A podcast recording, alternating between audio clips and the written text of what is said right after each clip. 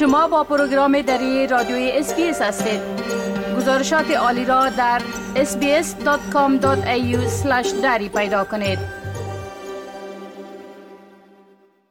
سیستم های هوشدارهای اضطراری و درجه بندی خطر آتش سوزی استرالیا چیست و شما چگونه باید به آنها پاسخ بدهید؟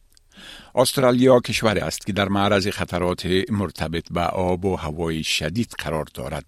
در حال حاضر یک سیستم میاری ملی جدید درجه بندی خطر آتش سوزی و یک سیستم هوشدار اضطراری وجود دارد تا با جوامع و ادارات واکنش اضطراری در قسمت درک خطرات آمادگی گرفتن و مقابله با حوادث مختلف خطرناک به شمول آتش سوزی در جنگل، سیلاب، طوفان، گردباد و گرمای شدید کمک کنند.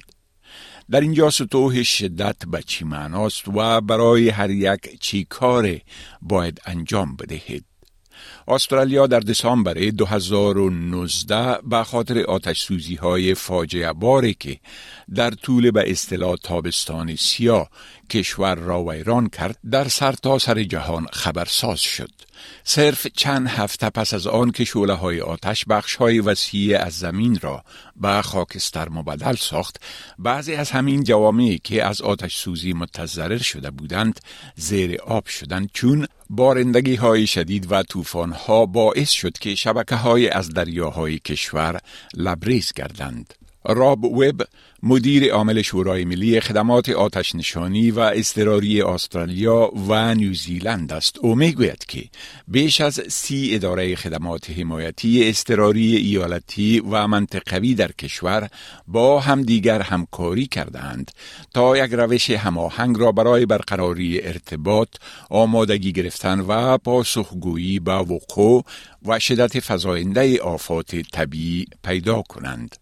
Australia is a wonderful place to live and a wonderful place to be throughout the year, but we do have these periods of disasters of all different kinds. As, as our climate is changing, we're seeing more and more compounding disasters where disasters are happening on, on, on the back of each other or they're happening over wider areas. And therefore, we're finding more and more we have to sh- share resources across our borders. استرالیا اخیرا سیستم های هوشدار اضطراری و درجه بندی خطر آتش سوزی خود را تجدید کرده و ساده ساخته و یک سیستم همگون و طبقه بندی ملی را روی کار آورده است. این برای حصول اطمینان از این است که هم ادارات واکنش اضطراری و هم مردم به صورت عمومی درک کنند که هر دسته از خطرات چی معنای دارد و بدانند که در صورت وقوع یک آفت طبیعی صرف نظر از محل چگونه عکس عمل نشان بدهند. سیستم های درجه بندی خطر آتش سوزی و هشدارهای اضطراری مشابه هستند.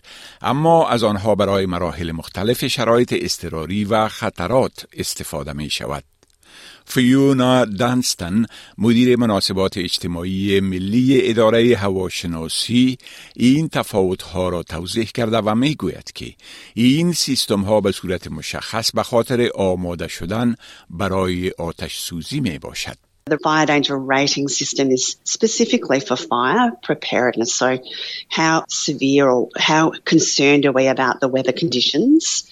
and the environment that's leading up to. So if we were to say tomorrow is going to be pretty hot and windy and we haven't had rain for a while and the grass and vegetation or the trees are quite dry, from there we determine a fire danger rating and it's there that we then say that we need to take action in order to prepare in case a fire starts. برعکس از سیستم هوشدار استرالیا برای توضیح شدت وضعیت اضطراری یا حادثه ای که قبلا در حال رخ دادن است استفاده می شود. از این سیستم تنها برای آتش سوزی نه بلکه برای بسیاری از انواع دیگر آفات طبیعی استفاده می شود. سیستم هشدار سراسری استرالیا در دسامبر 2020 معرفی شد و بعد سه دسته رنگی تقسیم می شود. سیستم درجه بندی خطر آتش سوزی تازه مورد تجدید نظر قرار گرفته در سپتامبر 2022 مورد استفاده قرار گرفت و دارای چهار دسته رنگی مشابه است. راب وب مدیر عامل آتش نشانی استرالیا می‌گوید که این سیستم جاگزین یک سیستم تقریبا 50 ساله شده است. الیزابت گوه یک داوطلب سابق دار خدمات آتش نشانی روستایی نیو ساوت ویلز است و می‌گوید درک این هشدارها بسیار ضروری است. One of the things that we always see is that people who don't leave, don't understand, or leave too late, we're often having to also work with them during very intense fires. And what that's actually doing is it's actually drawing away resources from firefighting because we need to then look after people. Supporting people to get out of those dangerous situations. سیستم جدید درجه بندی خطر آتش سوزی تازه ترین اختراعات علمی و معلومات گردآوری شده توسط ادارات مختلف واکنش اضطراری و اداره هواشناسی را با هم مدغم کرده است. آقای وب می‌گوید که این سیستم جدید انواع مختلف اقلیم ها و نباتات موجود در مناطق مختلف کشور را در نظر می گیرد. دسته اول سیستم درجه بندی خطر آتش متوسط و سبز است. این نشان می دهد که زمان برنامه و آمادگی فرا رسیده است. دسته بعدی خطر زیاد یا بالا است که رنگ آن زرد می باشد و معنای آن این است که آماده اقدام باشید. آقای وب می‌گوید در طول درجه بندی سبز و زرد جوامع تشویق می شوند تا اطلاعات را در مورد شرایط جوی بطلبند و برای تجدید معلوماتشان با خدمات اضطراری محلی خود در تماس باشند. In Australia, we always have to be mindful of conditions around us. It's a regular occurrence to get fires. On some days, when we say be ready to act, we're asking our communities to be a little more aware. They might check the weather a little bit more or check authorities' websites a little bit more and make sure that they understand what they might do on that day. دو دسته با بلندترین درجه بندی عبارتند از اکستریم یا شدید که نارنجی است و کاتاسترافیک یا فاجعه آفرین که سرخ می باشد. آقای وب توضیح می دهد که سطح شدید به این معنا است که باید فورا برای حفظ جان و داراییتان دست به کار شوید. دسته فاجعه آفرین یا سرخ به این معنا است که برای زنده ماندن باید منطقه خطر آتش سوزی را ترک کنید. آقای وب می‌گوید پلان بقای شما در وقت آتش سوزی و نحوه واکنشتان به شرایط خاص بستگی دارد که در آن به سر می‌برید. در حالی که بعضی از پرنفوسترین مناطق استرالیا در ماهای گرمتر مستعد آتش سوزی هستند مناطق دیگر این کشور مانند شمال در طول زمستان هم آتش سوزی را تجربه می کنند. It will vary from person to person where your property is, how well prepared your property is. But ultimately speaking, if you hear that extreme forecast and you're in a bushfire prone area, that's where you must understand your own um, bushfire survival plan and then take that action of either you may choose to leave, you may choose to sit down with your family and discuss exactly what you might do on a day. هنگامی که یک آتش سوزی یا خطر دیگر رخ می دهد، سیستم های هشدار دهنده سه سطحی استرالیا وارد عمل می شوند. سطح اول توصیه است که زرد است و به این معنا می باشد که خطر شروع شده است.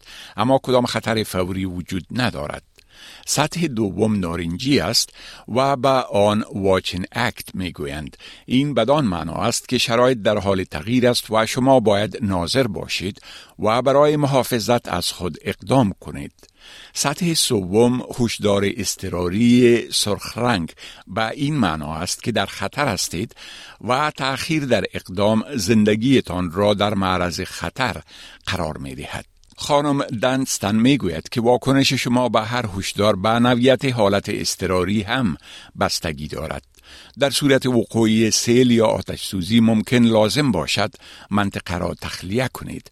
ولی اگر خطر گرمای شدید یا طوفان ژاله باشد ممکن لازم باشد در جستجوی سرپناه باشید. دانستن این که شما و خانواده ایتان چگونه پاسخ می دهید مهم است. Having a plan and talking about it with their household about, you know, if we are threatened by an event, what are the types of things we want to do? Where do we want to go? What will we take with us? What will we do with our pets, our children, all of those things. So it's really important that the discussions that are had at a household and within a community happen well before we're actually issuing formal warnings for the types of events as they unfold. آقای وب می‌گوید همه مردم باید با خدمات اضطراری محلی خود تماس بگیرند تا اطلاعات را در مورد انواع خطراتی که ممکن در منطقه آنها رخ بدهد به دست بیاورند. می خواهید این گونه گزارش ها را بیشتر بشنوید؟ با این گزارشات از طریق Apple Podcast، Google Podcast، Spotify و یا هر جایی که پادکاستتان را می گیرید گوش دهید.